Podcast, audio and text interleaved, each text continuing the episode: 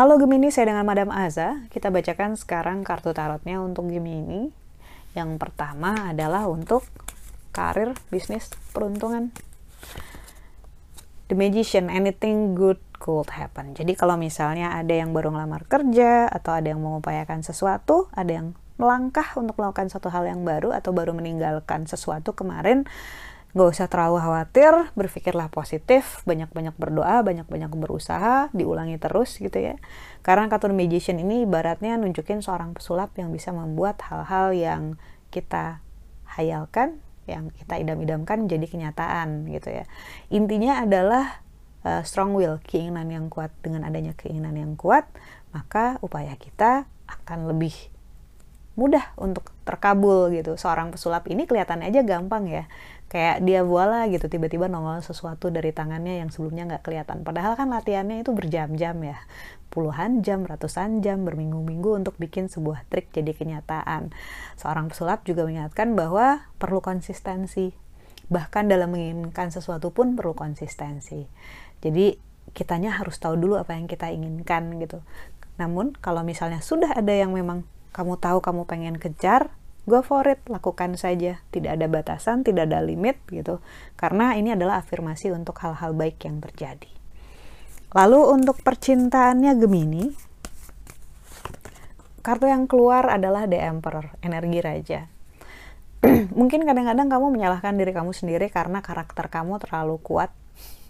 Gak ada yang salah sih dengan karakter yang orang yang tahu apa yang diinginkan dalam sebuah relasi it's good that you know your worth gitu. Bagus kalau kamu tahu kamu itu berharga. Bagus kalau kamu itu tahu bahwa kamu layak diperlakukan dengan baik dan tidak layak untuk ditelantarkan, dibohongi, dijahati gitu ya.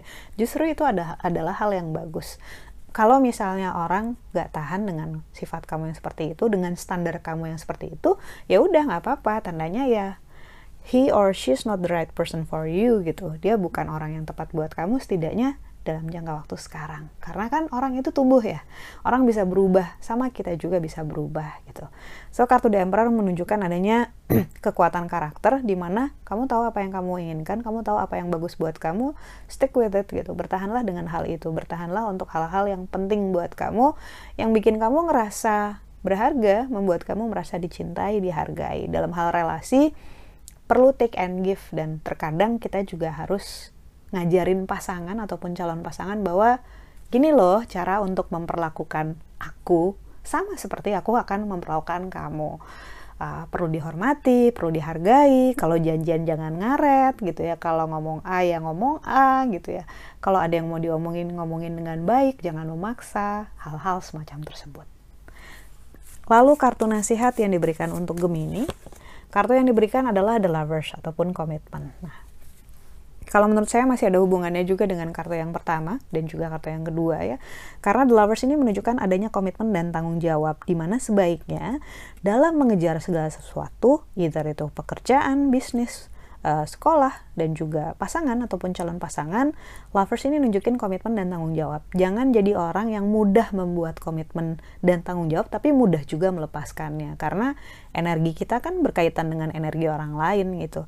Jangan sampai kita udah ngomong sama teman, yaudah ya nanti begitu gue resign gue uh, bisnis sama lo ya, kita kerja sama ini, aku jadi atau aku kerja jadi di kantor kamu gitu. Tapi itu kita anggap sebagai kata-kata, itu bukan hal yang bagus.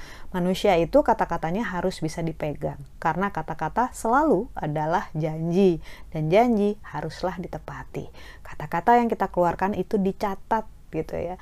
Jadi it's not just words gitu, bukan cuma sekadar ngomong, harus sadar bahwa ketika kita ngomong, ketika kita ngomong itu ada ikatan, ada tanggung jawabnya. Jadi dalam segala upaya, baik di sektor bisnis gitu, pertemanan, relasi, keluarga, pacaran, percintaan gitu ya, uh, harus diingat bahwa kita itu berkomitmen dengan orang-orang di sekitar kita. Jadi jangan mudah berbuat kom melakukan komitmen kalau kita nggak yakin bisa mengerjakannya.